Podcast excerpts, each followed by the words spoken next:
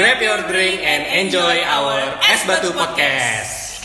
Halo semuanya, selamat malam. Eh di sini udah malam sih, cuman nggak tahu nanti kalian dengerinnya masih malam apa enggak. Halo, ada ada gua lagi. selamat pagi, siang, malam. Sudah ada gua lagi Nadila dan tentunya teman gua tercinta, terkasih dan tersayang ada Mas Hmm, Bernard. Bullshit. Makin gila ya kelamaan di rumah aja lu. Eh, kita makin deket sih, makin apa ya, makin ada koneksi di antara kita berdua gitu loh. Jadi Asik. eh, hari ini, hari ini juga kita nggak cuman berdua doang sih sebenarnya. Gue mau menambah koneksi-koneksi gue ke orang-orang lain juga. Jadi kita udah udah dengan senang hati mendatangkan dua orang lainnya. Siapa aja Ber? Kalau minggu lalu kan kita bertiga. Kali ini minggu ini kita tantangannya nambah lagi ya. Jadi berempat nih. Iya. Langsung aja Minggu ya. depan kita Ada- berlima ya nggak sih? Hmm. Ah. Lama-lama kita main bola karena bersebelas. Oke lanjut. Iya, lanjut.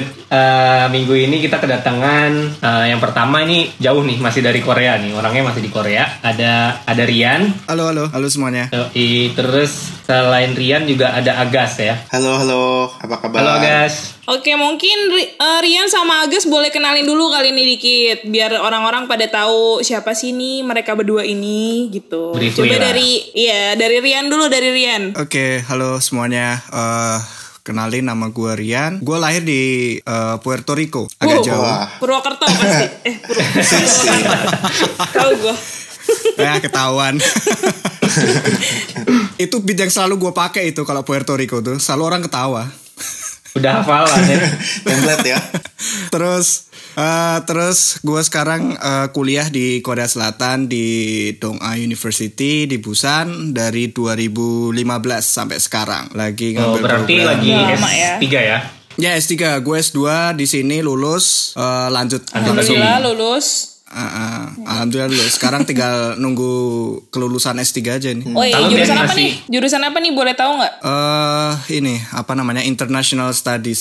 Jadi tapi konsentrasi lebih ke mana? International Trade. Oke, nih Hmm. eh, bisa nanti bisa ceritain juga nih soalnya kan kita berdua, gue sama Bernard kan dua-duanya eh, tentang sains ya. Jadi kalau misalnya mau yang tahu juga, kalau misalnya daftarnya sosial science tuh gimana, nanti bisa diceritain juga nih sama Rian. Tapi before Oke, that kita oke. lanjut dulu nih, Kak Gas, Gas kenalin Gas. Halo, halo, assalamualaikum warahmatullahi wabarakatuh. Waalaikumsalam. Waalaikumsalam.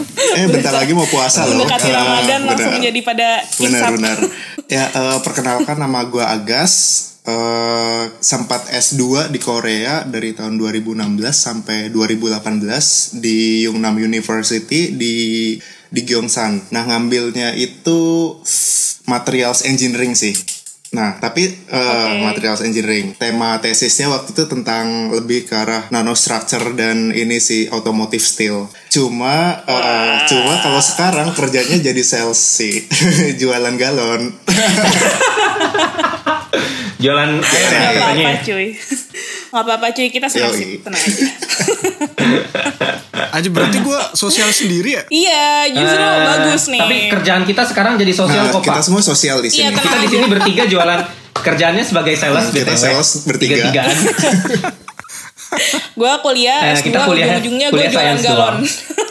kita kuliahnya doang science, kerjanya mah tetap aja sosial. Jadi tenang aja. Siap, Semua siap. bisa.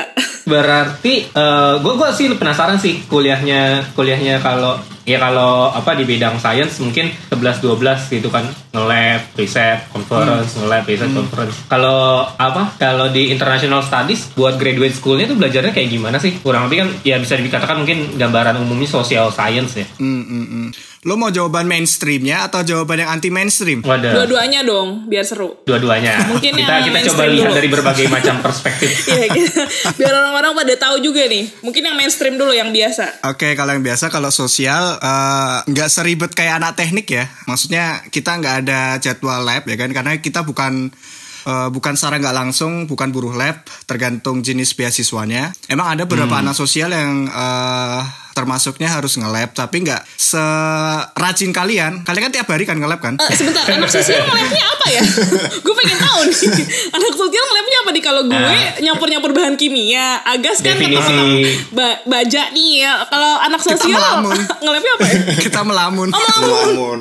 Oke. Nulis nulis manuskrip dong, Gua baru nulis tahu. paper, literature Enggak, enggak. research. Ah, ya kita kalau anak sosial tuh biasanya kalau eh, kalau ekonomi masih agak make masih mikir ya kalau ekonomi. Kalau ma- masih ada eh, perhitungan statistikanya atau matematika ekonomi modelnya kan masih kepake ya kan. Terus jadi ngelabnya lebih kayak hitungan aja berdasarkan panggilan profesor, nggak tiap hari. Ada yang mewajibkan eh, tiap hari harus datang, ya walaupun cuma numpang absen, ya kan pagi absen, ya siang kalau nggak ada kerjaan ya cuma di lab ya gosip, gibah sama teman yang lain, pulang absen. Oh. Nah, tapi nggak se nggak sesetrik kayak teman-teman anak sains yang ada eksperimen dan segala macamnya itu nggak terlalu ini. Cuma kita masih ada lah. Kita ini kalau anak sosial tuh WFA, work from home. Jadi kerjaan masih bisa Serius? dipakai dibawa di rumah.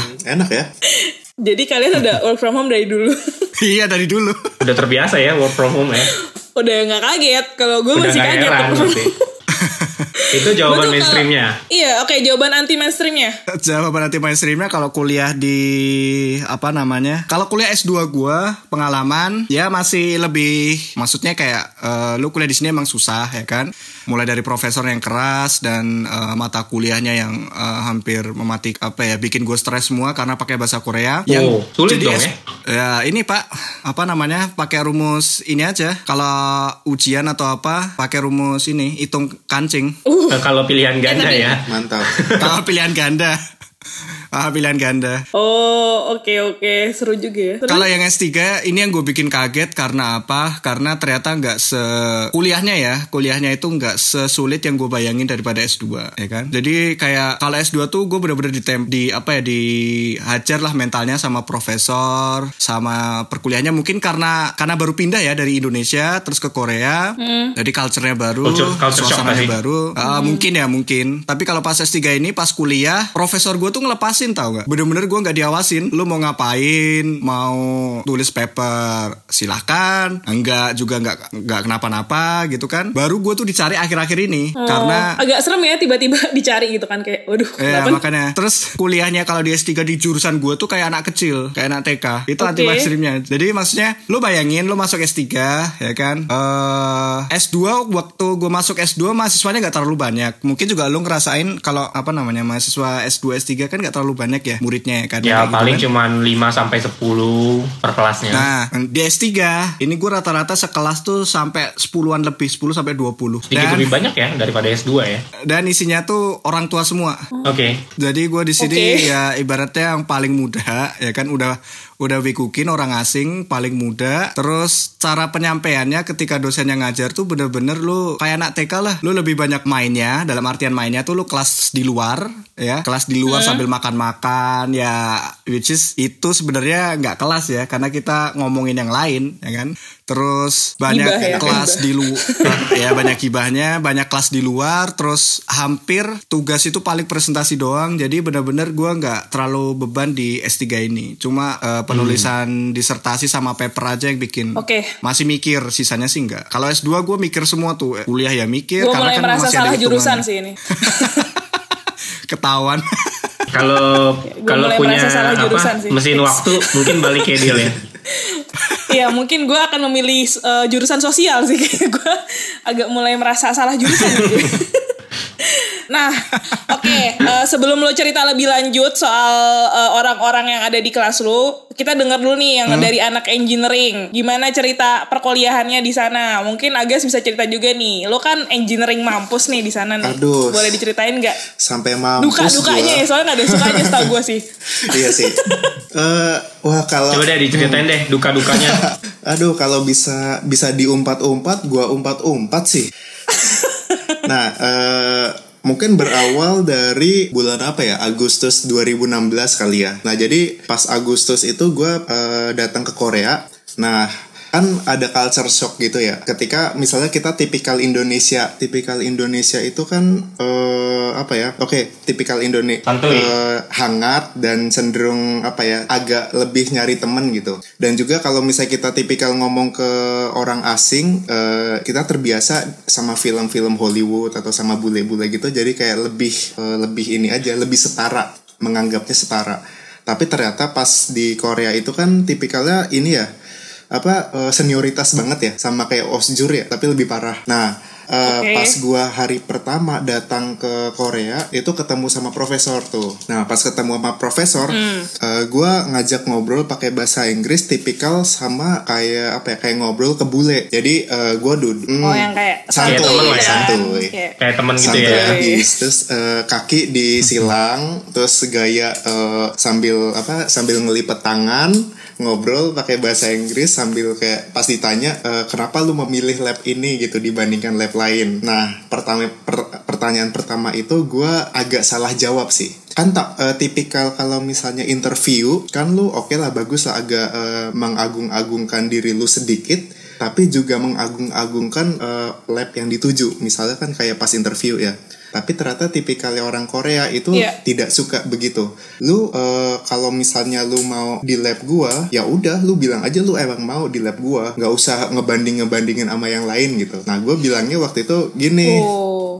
Iya sih sebenarnya saya udah udah dapat eh, scholarship ke bla bla bla, tapi eh, saya lebih memilih di lab Anda karena lab Anda itu lebih bla bla bla bla gini. Nah, terus dia balas, "Iya, emang lab saya gini." Terus eh, saya nggak peduli kamu mau diterima di mana pun, bodoh amat Eh, Oh. gitu. Nah, habis itu Gua- dia udah mulai agak kesel kan. Terus dia ngelihat ke bawah kaki apa di bawah meja gitu. Don't cross your leg. Terus? Oke. Gila eh, ya. Sampai segitunya ah, loh. Nah, Itu itu pasti first first moment yang lu sampai sekarang inget banget berarti ya. iya, gua Kalau gue jadi agak sih gue pulang sih. Nah, gue kan ngelipat apa ngelipat eh, paha ya. Nah, terus gue turunin paha gue. Tapi gue masih apa kayak ujung kaki gue, eh, telapak kaki gue masih nge- nyilang. Nah, eh, Nyilang. terus dia ngeliat lagi ke bawah, still cross your leg. Dicek lagi yang kedua. Keras, Nah, bung. Hidup hmm, ini baru keras. dia bilang eh, ke salah satu lab member, gue punya negative feeling towards gue gitu. Kata si profesor ini. Oh, Profesornya profesor bilang ke bilang iya.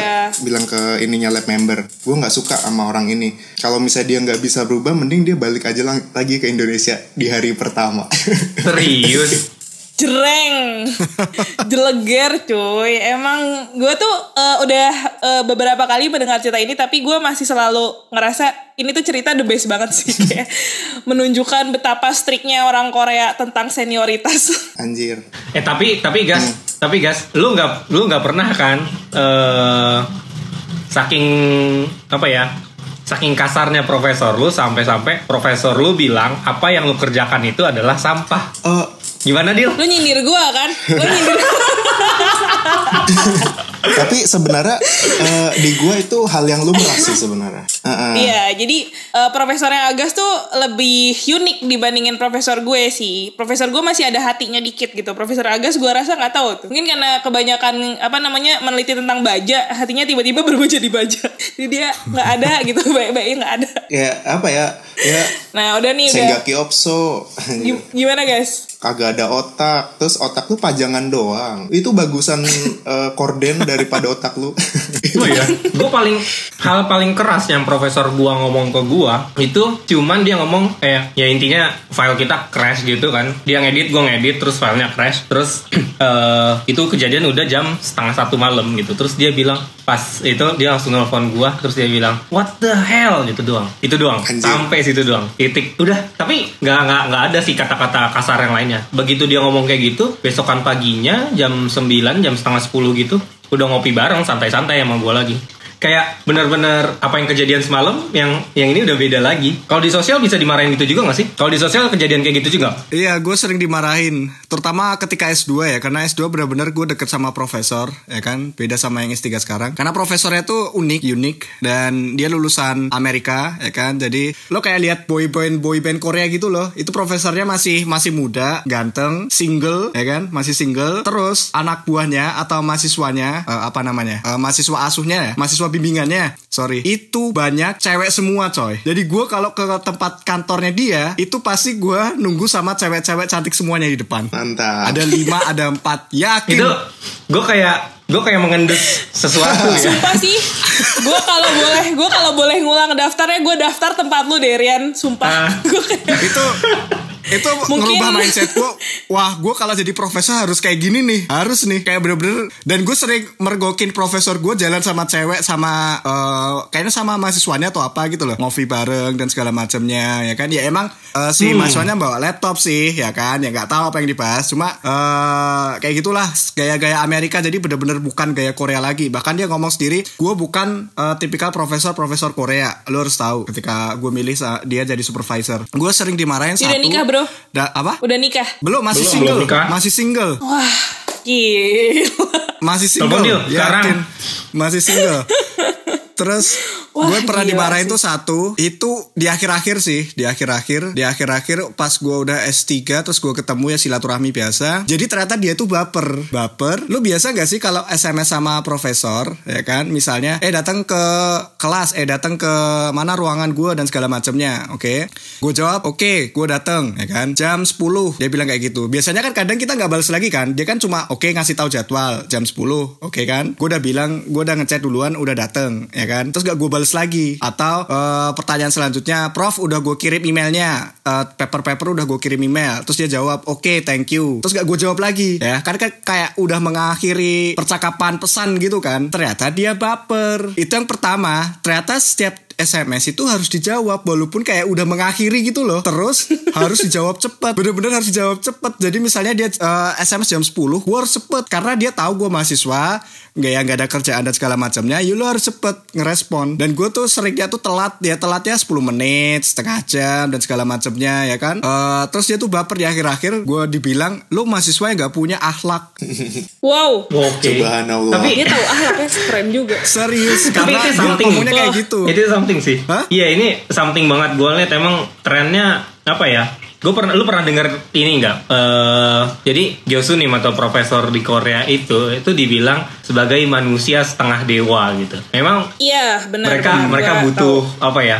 Respect, butuh penghargaan, apresiasi dan all of those things gitu dan ya somehow kadang-kadang kita nggak sadar gitu buat buat memenuhi Hmm. kriteria-kriteria yang dia pengenin kayak gitu-gitu nggak sih kayak ya bahkan dari hal-hal simple kayak cara Iya. mengakhiri percakapan, cara duduk, cara kita ngomong Dan apa gimana ada aja kadang-kadang yang dia tuh- cari yang bisa jadi salah. bener makanya Dan gue juga mereka tuh kaget mungkin itu ngedapetin title profesornya mereka tuh kayak susah banget gitu loh. Jadi mungkin makanya mereka butuh di respect lebih gitu. Karena kan eh, kalau misalnya jadi kayak prof gue tuh suka nanya, "Eh, kalau di Indonesia da- dapat gelar profesor tuh gimana sih?" Ya sekolah aja prof sampai S3 nanti dapat gelar gitu kan profesor.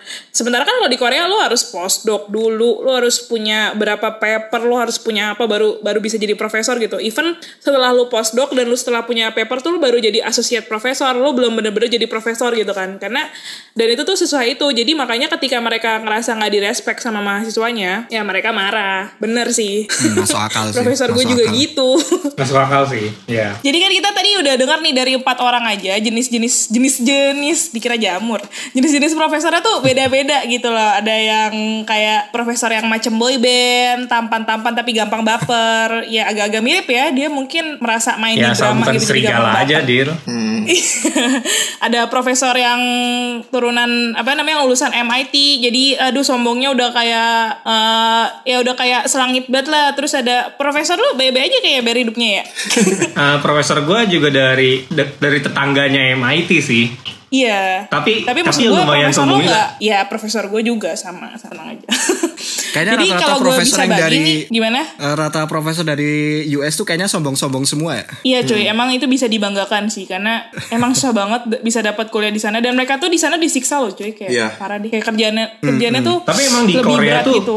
di Korea itu kayaknya buat kiblat dunia akademis ya. Gue lihat sih emang Iya. kiblatnya tuh ke arah US sana gitu. Maksudnya jarang lu lu bisa temu lu jarang temuin profesor-profesor yang postdocnya atau sekolahnya itu di Eropa. Hmm. Kalau di Indo kan macam-macam ya. Lu ada yang lihat dia sekolahnya di Jepang lah, di China lah, di Eropa, di Amerika gitu. Tapi kalau di Korea Most of the time sih gue ketemunya profesornya sekolahnya di Amerika, di Amerika, di Amerika gitu. Lumayan jarang gue ketemunya yang dia sekolahnya di luar Amerika, selain Amerika gitu. Karena dia kayak Iya, apa ya mikirnya eh, orang-orang Korea kan emang kiblatnya ke Amerika ya. Kayak temen temen sejawat lah ya. Teman-teman bubble bubble friend Iya, iya, gitu. iya, benar. Kayak anak angkat gak Nah, sih? Dan di apa ya di kuliah-kuliah di Amerika pun juga ada stratanya gitu. Jadi kayak kalau misalnya lu kuliah bagus, Ivy League sama yang normal-normal aja itu kayak dipandang sebelah mata juga sebenarnya. Jadi kayak rasis juga kayak gitu. Iya benar benar. Jadi emang mereka juga di sana mengalami uh, apa ya kayak di Tekanan. underestimate gitu juga, terus di rasisin juga. Jadi makanya itu yang kadang mereka uh, apply juga ke mahasiswa mereka. Tapi sebenarnya mereka tuh butuh banget kan sama foreigner-foreigner macam-macam kita ini yang kayak datang dengan bahagia dan penuh harapan gitu kan. Terus eh, apa sih namanya ketika mereka dapat foreigner dan mereka dapat foreigner yang nggak benar, mereka tuh kayak kecewa banget gitu loh karena mereka tuh ekspektasinya like udah tinggi banget. Pasti kan mereka nggak hire lu dengan kayak oh ini lu eh, apa sih namanya lulusan uni ini di Indonesia atau lu misalnya GPA lu udah segini. Terus ketika mereka ketemu dan nggak sesuai sama harapan mereka yang which is nggak bakal sesuai sama harapan mereka ya karena harapan mereka tuh tinggi banget kan kayak selangit cuy. Lu mau bandingin eh, lulusan Indonesia sama lulusan Amerika eh Ya, jauh orang gitu. Indo yang Terus lu santuy-santuy bandingin sama gini. iya, terus lu bandingin sama anak-anak Korea di lab yang kayak kerjanya udah kayak orang gila gitu. Lu suruh kerja dia 24 jam bisa gitu cuy. Kayak kita jam dari berangkat jam 9 sampai jam 9 aja ngeluh gitu kan. Kayak ya ya udah gitu. Emang profesornya tuh eh, se se apa ya? Kalau gue bisa rangkumin tuh kayak emang jenis profesor yang eh, istilahnya keras tapi eh, mereka tuh ekspektasinya tinggi sama kita gitu gak sih ngerasanya guys kalian? Ya, se- secara general sih kayak gitu ya. Even yang di sosial pun sebenarnya kayak gitu gitu. Sama, itu kalau kita kita uh, flashback dulu itu karena ada ini sejarahnya sebenarnya kenapa orang Korea uh, dalam hal mencakap mengartikan kesuksesan. Ini kan kayak ekspektasi lo biar lo jadi sukses kan ke depannya kan. Itu karena eh dari kecil mereka udah seperti itu ya. Karena di Korea kalau lo cuma jadi eh, biasa-biasa kaum yang biasa-biasa aja lo nggak bakal sukses ya kan. Benar. Karena persaingan di sini di sini sangat kompetitif. Lo dari SD, SD kelas 1 itu jam sekolahnya sama kayak kita lab-lab jam 9 pagi sampai jam 9 malam. Mulai kelas 1 SD. Dari kecil udah dididik kayak gitu makanya dia pasti eh, untuk mendidik orang lain juga ekspektasinya juga sama apa yang pernah dialamin gitu loh. Iya benar Emang makanya. jauh banget sih culture-nya kalau gue bilang sih antara antara apa ya ini kan lebih ngomongin le- ke arah work working culture-nya ya buat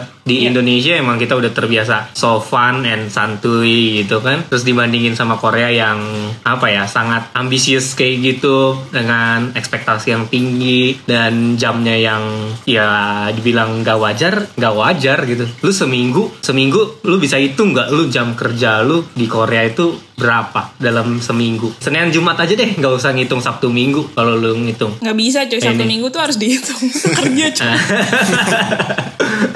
Kita nggak libur minggu tuh. Iya kan kurang lebih seharian tuh bisa 10 sampai 12 jam lo. 12 Gua nggak ngitung jam makan 12 siang. jam. Jam makan 12 siang, jam jam. makan malam jangan dihitung. Iya, iya kan? Sekitar 10 sampai 12 jam per harinya. Kali 7. Dia profesor gue tuh one time pernah ngomong sama gue kayak gini. Kalau misalkan kamu kerja 2 jam lebih lama sehari dibandingkan yang lain dalam satu bulan, katakanlah ada 25 hari kerjanya, nggak nggak usah ngitung minggunya. Itu berarti kamu dalam satu bulan kamu udah unggul 50 jam kerja daripada yang lain. Dan mereka bangga akan itu. Dan mereka bangga akan Tapi itu. padahal buka-buka YouTube doang kan. iya. Padahal gue nonton drama Korea doang sih kayak. apa apa namanya browsing browsing G market ya Iya dan ngomong-ngomong soal jam kerja, coba lu paling lama di lab sampai jam berapa? Dari jam 9 pagi ya hitungannya. Hmm, paling lama. Gue ngomongin jam kerja deh nih. Eh, Nggak usah, eh, Agas pasti menang sih. Agas pasti menang. gue dulu aja. Oke, aja dulu, Dil. Gue paling lama di lab itu sampai jam 2 pagi. Karena gue ngerjain eksperimen yang nggak bisa ditinggalin gitu dan harus dicek tiap setengah jam. Jadi gue kayak sampai jam 2 pagi tuh masih di lab gitu. Gue pulang gara-gara eh, ada ini coy, ada yang ngetok-ngetok di di lab sebelah. Jadi udah Satpam. kayak udah nggak ada orang tapi ada yang ngetok-ngetok jadi gue balik. Oke. oh Kayak gua bukan gue kira diusir sama satpam disuruh pulang Ada cuy, ada yang ngetok-ngetok beneran. ya, kayak penunggu gedung gue sih. Kayak gue bener-bener tinggal tapi sendirian di gedung itu. Indian reaksi yang lu tungguin sampai jam 2 pagi itu berhasil nggak? Eh, besokannya ngulang lagi sih karena ya gagal sih sebenarnya. Jadi kayak udah mungkin kan karena udah malam jadi emang lo harusnya tuh nggak kerja malam cuy. Kayak lo udah nggak fokus Oke, mungkin Agas bisa cerita nih. Agas biasanya eh, dia nginep juga. Nah, eh, kalau misalnya salah sa- ini salah satu ter- cerita terepik gue sih. Nah, apa ya? Pas waktu itu lagi mau ada project deadline. Jadi mau presentasi ke Posko. Posko itu salah satu apa? Dia perusahaan baja nomor satunya Korea. Karena project kita sama dia. engineering ya Hmm, Ah, engineering iya. ya. Nah, Jadi eh, kerjanya itu gue dari jam 9 pagi sampai jam 12 siang besoknya. Tapi kebesokannya. Anjir. Nah, kan itu lebih dari 24 jam cuy. nah jadi gini. itu lu nggak pulang Lebih sama sekali nggak pulang. Gue tidur di lab kayak eh, ber- berapa orang tidur di lab gitu. Nah jadi gara-gara gini, eh, pokoknya itu kayak kan bikin presentasi, datanya udah siap apa apa, tapi kan bikin presentasi ya. Nah jadi revisinya itu baru jam 3 pagi. Revisi jam 3 pagi, sementara eh, presentasinya ke poskonya jam 7 pagi. Nah jadi otomatis kita itu masih di ruangan profesor itu sampai jam 3 pagi. Ya gua, eh, ini salah, ini salah, ini salah, ini salah. Lu harus kelar pokoknya sebelum jam 6 pagi. Anjir, kerja lagi. Terus pakai ada drama-drama marah-marahan kayak gue udah kesel banget kayak eh, hiong gua atau eh, itu sebutan buat senior kayak apa ya? Lu iya apa si profesor tuh tahu apa nyuruhnya gini gini gini. Dia udah so so tahu ya Eh, biasa kan senior eh, suka so tahu tapi padahal dia nggak ngerti apa yang dibicarain. Terus gue udah kayak gue ngebentak balik kayak ya gue tahu lu diam aja. Terus kayak semua kaget. Terus kayak gue udah kesel gue kerjain aja. Kayak eh, emosi udah emosi banget kan. Nah habis itu Iya eh, udah ngantuk juga sih jam- cuy. Jam 3. jam 7 dipresentasiin sama profesor gua ke posko tapi kita nggak boleh balik ke rumah sampai eh, semuanya benar-benar aman. Jadi pas mereka lagi presentasi Anjir. eh, kadang tuh suka nelpon-nelpon gas ini gimana yang ini? Eh, data ini gimana? Data ini gimana? Kan dia nggak apa dia pasti nanya-nanya kan in the apa in the meantime jadi kayak kita conference call juga Nah, akhirnya katanya udah selesai nih. Oke, jam 11, jam 11, jam 10, jam 11 udah selesai dan katanya s- mereka sangat gembira dengan hasilnya dan nilainya hampir 100 projectnya. Oke, jadi kita senang terus kita tidur. Gue balik ke, ke kamar dulu. Hmm. Baru tidur setengah jam ditelepon. Ayo eh, semua ke lab lagi. Kita eh, kita ke spa bareng anjir. Gue gue gue nggak butuh spa, gue nggak butuh massage atau apa, gue butuh tidur. Gue butuh Cuma tidur. butuh kasur ya. Nah, akhirnya kita Eh dan dan gue mau ngasih Nah, apa? dan terus akhirnya lu ya nggak, akhirnya gini. Nggak, lanjut, Eh, lanjut. akhirnya yang lucu adalah kita kita semua pergi ke spa bareng-bareng semuanya dan eh, dan itu spanya kayak telanjang. Jadi gue kayak anjir. I know. kayak kayak eh, orang Korea kan putih banget ya. Putih terus ada yang kontras hitam. wow. terus eh, kayak, kayak Ini perlu perlu dibahas nih, perlu Terus dibahas. kita eh, kayak kayak eh, di dipanggang gitu di spa gue udah pusing udah ngantuk banget akhirnya gue pingsan di situ sumpah, sumpah guys. Anjir tuh gue baru tahu.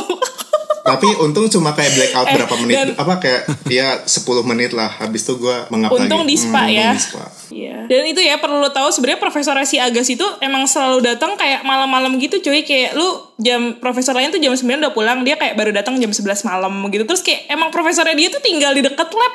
Jadi biar se, gampang itu. Dia wah udah emang profesor suka lu dat- titisan titisan dia sih suka itu. datang Titisan Lucifer 10.55 gua anjir. jam jam jam Nah. kelar lab tuh jam 11 orang kita tuh udah suka siap-siap anjir 10.55 kalau dia nggak ada jam 11 kita harus buru-buru balik sebelum ditelepon lagi anjir ya kayak kayak Kalau emang profesor gua- Agas aja Gue pernah sih, gue juga nyiapin nyiapin presentasi gitu kan. Jadi mau ada conference kayak gitu, gue inget banget waktu itu kayaknya gue ke Jeju, gue ke Jeju. em, kalau nggak salah conference-nya tuh mulai hari Rabu. Terus gue udah mulai kerjain tuh presentasi dari hari Senin. Conference-nya mulai hari Rabu, kan lu berarti berangkatnya harus dari hari Selasa ya. Gue ngepick ngepick flight-nya tuh siang lah, Selasa siang. Gue kerjain udah dari minggu-minggu sebelumnya, cuman ya you know lah sampai sampai pada akhirnya di hari Senin itu baru dikerja kerjain semua diberes-beresin. Nah, Senin gue datang jam 9 pagi, gue ngerjain file presentasi itu sampai sama kayak Agas, sampai keesokan harinya dari jam 9 pagi sampai jam 1 siang. Kenapa sampai jam 1 siang? Karena jam pesawat gua take off jam 2. oke Nah itu eh, sepanjang malam ya tetap aja apa namanya Anjir. eh chattingan gitu kan telepon sama profesor gua sama senior gua buat beresin file presentasinya bener-bener apa ya? Wah kopi sih gue udah nggak ngitung itu berapa gelas gitu kan. Bener-bener kalau tidur tuh kan cuman di bang tidur di di bangku lab gitu kan. Biasa cuman lu tidur tidur apa tidur ayam ya. Wah itu nggak enak banget sih cuy. Iya tapi mau gimana gitu kan. Paling begitu lu Iya. dapet kesempatan sekitar 10 sampai 15 menit gue merem dulu deh bentar gitu kan. Sampai besokan paginya. Terus ya udah gue datang konferensi udah kayak udah kayak zombie itu. Iya sih itu Begitu emang di pesawat wah, juga baru bisa tidur gitu. Tuh Masa-masa kekelaman masa-masa jahiliyah anjir. Tapi lo ya, nih lo nggak pernah kan, nggak pernah kan sedrama sama profesor gue yang bipolar itu. Jadi profesor gue tuh bipolar guys. Dia kayak tiba-tiba baik, Oh, tiba-tiba jahanam gitu kan. Dia pokoknya tiba-tiba Ah, baik, tiba-tiba jahanam. Iya. Eh, lo pernah nggak di di ambekin? Eh, kan katanya Rian profesornya dia baper ya. Profesor gue tuh baper mampus cuy. Dia bisa ngambek ke gue kayak seminggu nggak ngajak gue ngomong gitu. Gue kayak bingung kan. Gue kan harus laporan ke dia dong ya nggak sih. Nah itu tuh yang paling epic pas gue mau tesis terakhir. Jadi kayak pas gue mau tesis tuh kan semuanya hektik ya persiapan sidang gitu. Terus eh, jadi dia tuh kayak ngasih satu tugas. Jadi gue tuh setiap hari itu harus ngumpulin jurnal. Eh, eh so- ngumpulin summary paper. Jadi gue harus baca paper terus gue bikin summary-nya terus gue kirim ke dia. Nah berhubung gue lagi ngerjain tesis sampai jam 3 pagi, gue lupa tuh ngumpulin satu hari itu doang. Satu hari itu gue lupa banget mau ngumpulin si summary paper itu. Terus dia marah banget dong cuy. Kayak marah banget. Terus dia sampai bilang kayak ke gue, "Ah, kayaknya kamu oh, nggak siap deh mau lulus. Kamu pulang aja ke Indonesia. Terus kayak dia ngomong kayak gitu seminggu sebelum gue sidang. Gue kayak, hah gimana?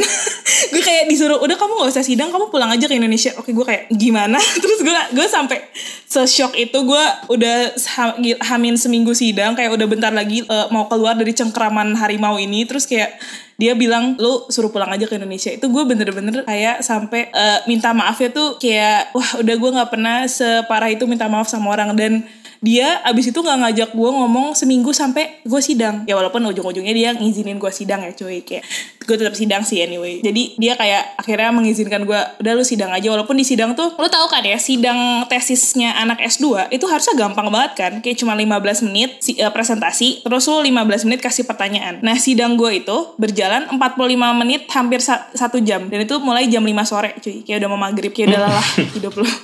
Terus itu ya dari gue eh apa sih namanya eh, ngucapin nama. Kayak gue bilang ah, iya halo nama saya Nadila. Gini hari ini saya mau sidang gini-gini. Terus dia kayak udah langsung eh tolong ya kamu ngomong gak usah cepet-cepet. Gue kayak wow oke.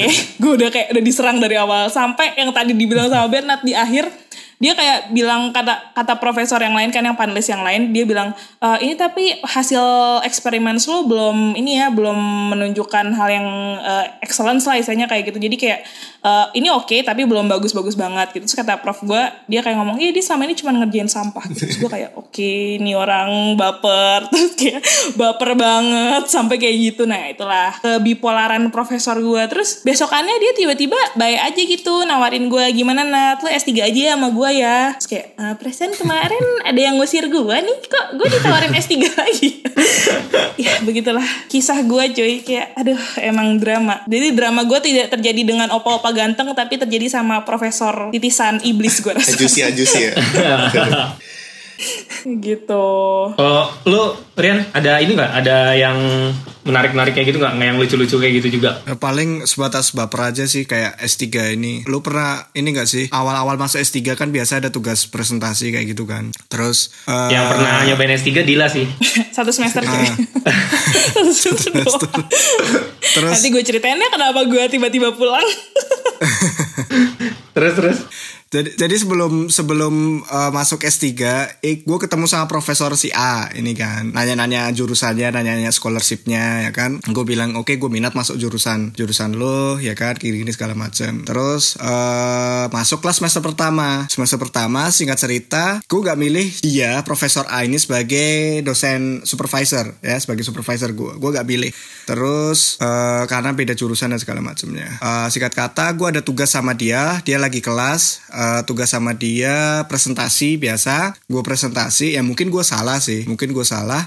Gua- lo kalau presentasi di depan biasa tangan satu ngarahin PowerPoint, terus tangan satunya masukin saku celana. Biasanya kalau laki kayak gitu tuh, ya kan? Ya masukin saku, ya masukin saku saku saku celana satu tangan itu kan. Gue di situ dimarahin tapi dimarahinnya itu via ini apa namanya pakai muridnya dia ngerti gak jadi perantara gitu. Dia bilang eh ya lu Oh, nggak boleh dia kayak gini kalau presentasi. Eh, lu nggak boleh nih kalau presentasi eh, tangannya satu masuk ke saku celana nggak boleh. Katanya kalau kayak gini nggak sopan ke profesor. Oh, gue juga pernah tuh. lah gue mikir lah gue S lah gue mikir gue S2 kayaknya sama profesor supervisor gue presentasi juga fine fine aja mau kayak gitu. Orang dia juga yang S2 profesor gue presentasi juga kayak gitu gitu loh sama ya kan Wah, kok baper ini ya kan singkat cerita terus kayaknya semenjak itu anjir gue dicengin lah kayak dibaperin terus lah kayak dicari kesalahan padahal padahal masih kelas ya kan gue usut punya usut kayaknya dia baper karena gue nggak milih dia sebagai supervisor karena pendekatan pertama gue tanya ke dia tapi gue milihnya yang lain PDKT-nya sama siapa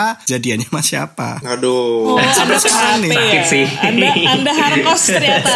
Nih. Kasih harapan Sampai kosong sekarang. orang. sampai sekarang sampai sekarang tuh masih kalau sama gue tuh Eh, sentimen emang banget iya. sumpah Profesor di Korea tuh kalau udah sekali salah tuh udah buruk nama lo, cuy.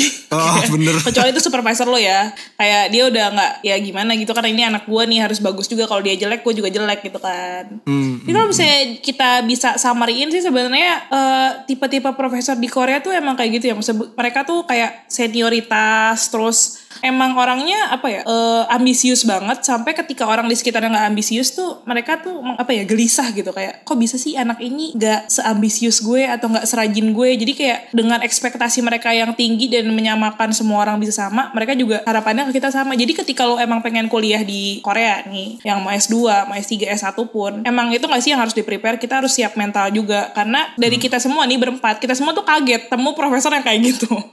Lo pasti nggak pernah nyangka dalam hidup lu ada manusia macam gitu lah nggak ada gitu kan. Kayak kayak profesor di Indonesia kan be aja gitu orang-orangnya kayak santuy gitu ya. Maksud gue kita juga bukan orang yang kayak datang ke kelas terus eh, ngata-ngatain profesor kan enggak gitu. Maksud gue kan kita juga orang-orang sopan pada umumnya tapi kesopanan kita pun masih dinilai kurang. Jadi ketika lo ke sana lo emang harus apa ya prepare gitu loh prepare eh, ngerti culture-nya mereka juga ngerti work culture-nya di sana gimana ngerti profesor tuh harus diapain aja. Lihat dari pelajaran-pelajaran kita inilah tidak usah diulangi lagi betul. Nggak usah itu nggak usah itu eh, cross leg kayak si Agas gitu nggak usah itu masukin eh, apa namanya eh, tangan, ke Tangan. ke saku gitu kayak ya ampun kepikiran gak sih kayak gitu tuh bakal Saku dibahas ya? enggak kan tapi kayak iya Enggak, saku yang di belakang.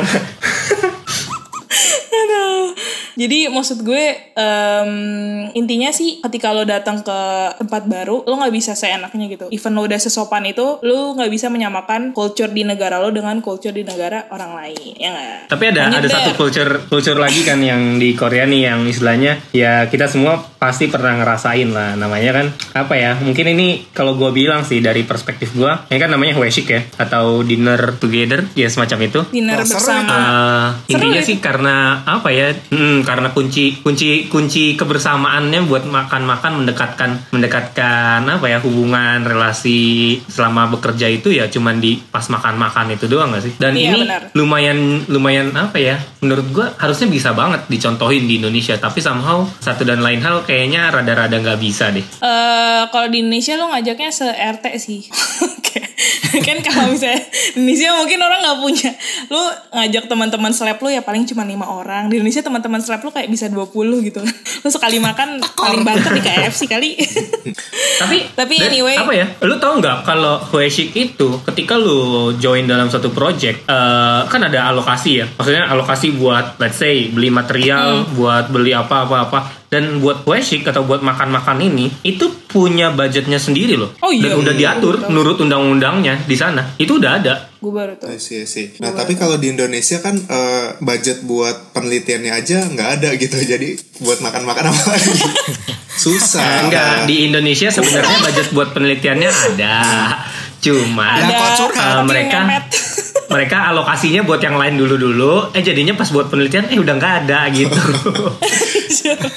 Alokasinya buat nggak tahu deh gue.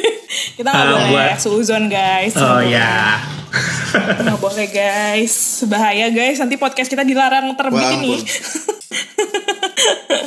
anyway, tapi Lo pas pas Weshik ada kejadian-kejadian lucu apa aja? atau makanan apa yang paling sering? Itu pertanyaan kedua deh. Pertanyaan perta- pertama kejadian lucunya apa? Pertanyaan kedua makanan apa yang paling sering lo datengin buat wesik? Apalagi yang muslim nih, kan nggak mungkin makan babi dong. Ah, Kalau Bernard oke. mungkin sering samgyeopsalan gitu. Babi.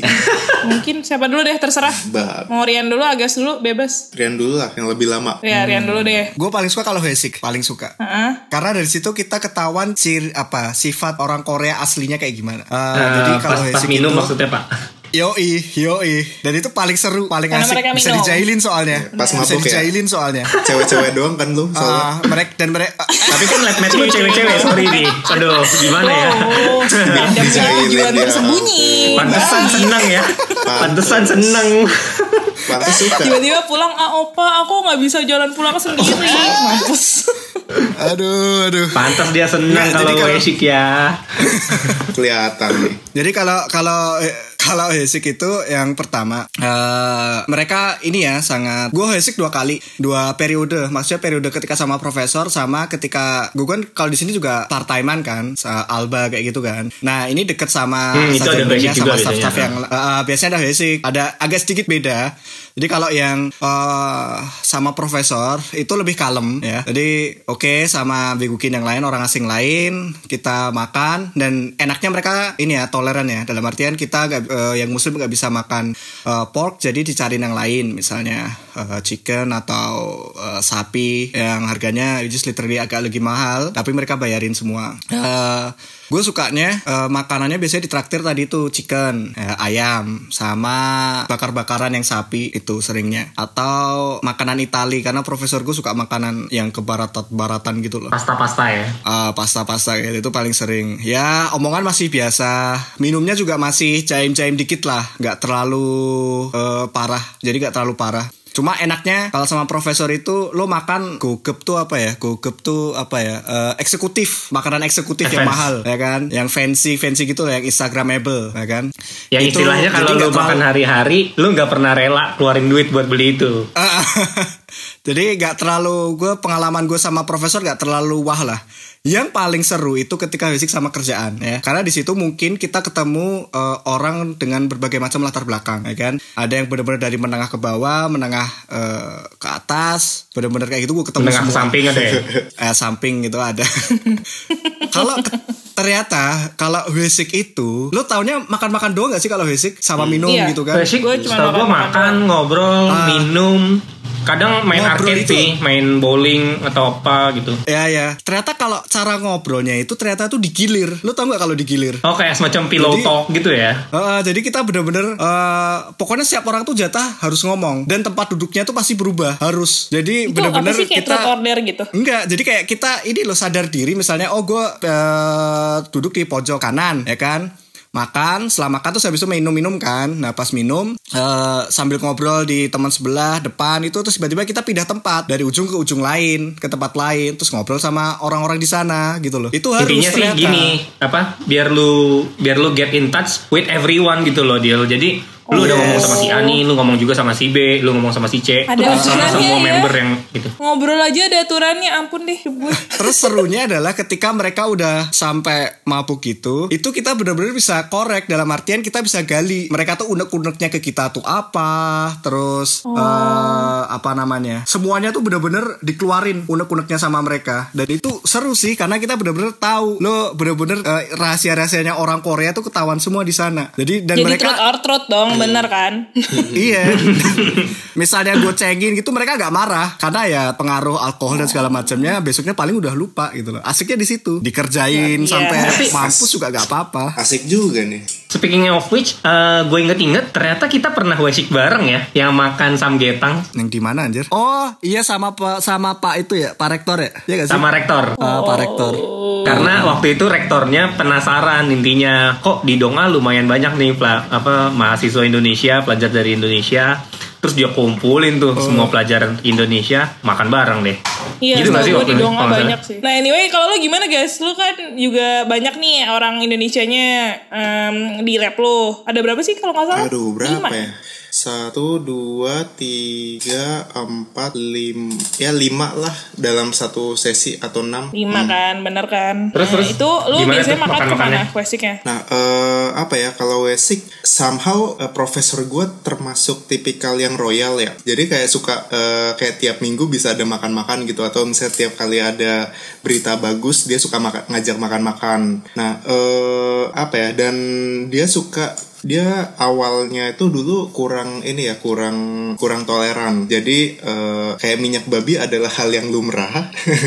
Walaupun kita tidak tidak makan babi mungkin esensinya ada. Yang penting lo gak tahu.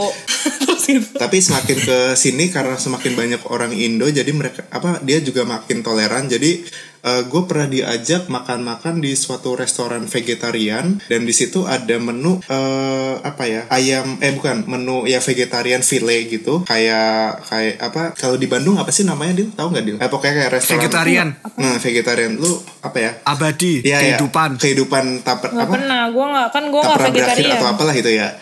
Nah ini juga per- juga ada kayak gitu tapi rasa babi. Oh, Jadi eh, makanan-makanannya Oh, rasa eh, babi. rasa babi, rasanya babi tapi eh, ternyata itu dari veget vegetarian. Jadi Dan gue lu nyobain? Jadi Lu nyobain? jadi gue tahu rasa babi gimana tapi gue nggak haram makannya. Oke. Ini kocak sih.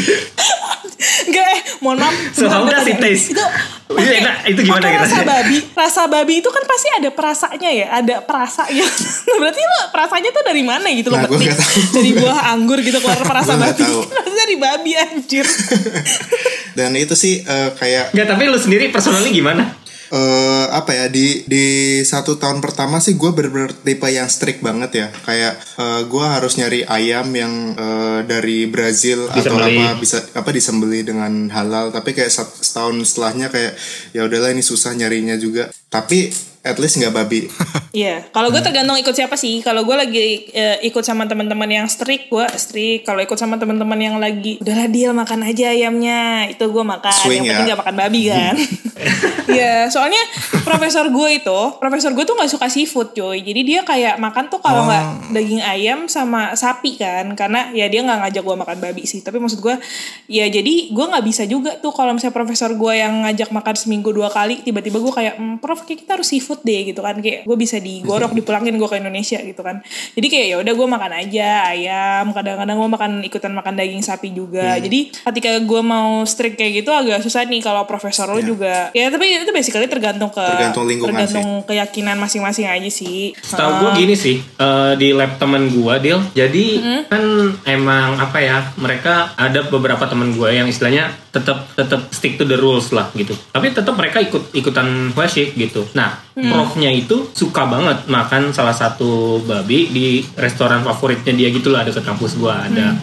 Hmm. nah tapi dia tetap mau semua anggota labnya dia itu ngikut caranya gimana jadinya? Jadi caranya eh, sebelum ke restoran babi itu si prof ini udah pesenin dulu ayam chicken gitu kan eh, fried chicken gitu Oh. atau buah-buahan terus dibawa. Terus ntar udah udah masuk situ karena labnya dia Terus lumayan dibawa. gede labnya dia lumayan gede terus biasanya washiknya barengan sama lab gua. Itu jadinya satu restoran penuh sama anak-anak kita doang gitu kan sama dua lab ini aja. Hmm, Terus, iya. Heeh, jadi kayak langsung ngomong gitu sama yang punya restonya. "Ah, ini gue bawa makanan lagi sendiri boleh ya buat di meja ini doang kok. Yang lainnya ntar gue tambahin di ordernya. Dia bilang kayak gitu. Jadi yang Oh, yang di meja itu, yang di meja itu pada makannya eh, ya buah, ayam gitu kan. Kan terus gue makan di deket yang situ kan, di dekat di, di samping meja yang Terus yang pengecualian itu terus eh, kan gue makan pork ya terus lagi lagi nge-grill porknya gitu terus ada satu orang yang kan mejanya berempat berempat gitu ya. Satu orang di meja yang berempat Hmm. itu salah satu tuh kayak matanya tuh ngeliatin terus ke arah ke arah daging yang lagi dipanggang gitu. Lu tau kan wangi muka muka banget lagi. Iya mupeng gue daging babi gitu. bakar kan wangi banget. Terus udah gitu begitu dagingnya udah matang gitu ya yang lain kita udah udah pada mulai makan eh secretly dia ngambil tuh. Anjir Terus gue nanya sama temen gue, eh bukannya dia nggak makan babi ya gue bilang gitu kan. Tapi gue ngomong sama temen gue yang orang Korea gitu kan. Terus eh, apa kata teman gue yang orang Korea, "Ah, iya sih dia kadang kadang-kadang suka nakal dia gitu. Tapi gue nggak pernah sih cuy kayak seingin inginnya gue. Emang kan itu wanginya enak banget ya. Itu kayak nggak pernah gue berani makan. Kalau nggak sengaja nggak tahu ya. Cuman maksud gue kayak bisa aja kan di kuah sup lo ada ada rasa-rasa kaldu babi dikit gitu kan. Kan nggak tahu gitu ya. Paling tuh yang sering ditawarin sama profesor gue itu adalah minum. Jadi kayak soju gitu atau mekju apa sih bir gitu kan. Kayak dia tuh selalu bilang sama gue, udah lah lu cobain aja nggak apa-apa gitu kan. Wah jangan prof sih nggak boleh nih gini gini gini. Enggak nggak bakal memabukkan. Udah cobain aja gitu. Dia "Eh, Tuhan akan memaafkanmu gitu. Saya jamin kok saya jamin. Terus gue kayak oke baik. Anda siapa temannya?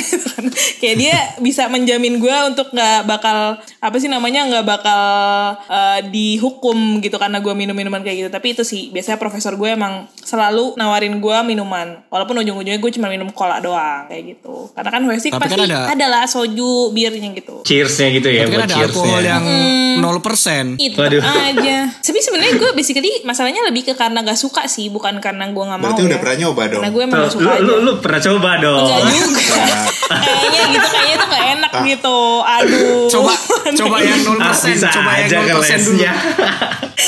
Coba yang 0% kayak dari dulu dulu itu aja. kayak gak enak gitu aku, aku anak baik-baik kak aku gak pernah coba yang aneh-aneh Aduh. Semua orang juga bilang kayak gitu, Dil.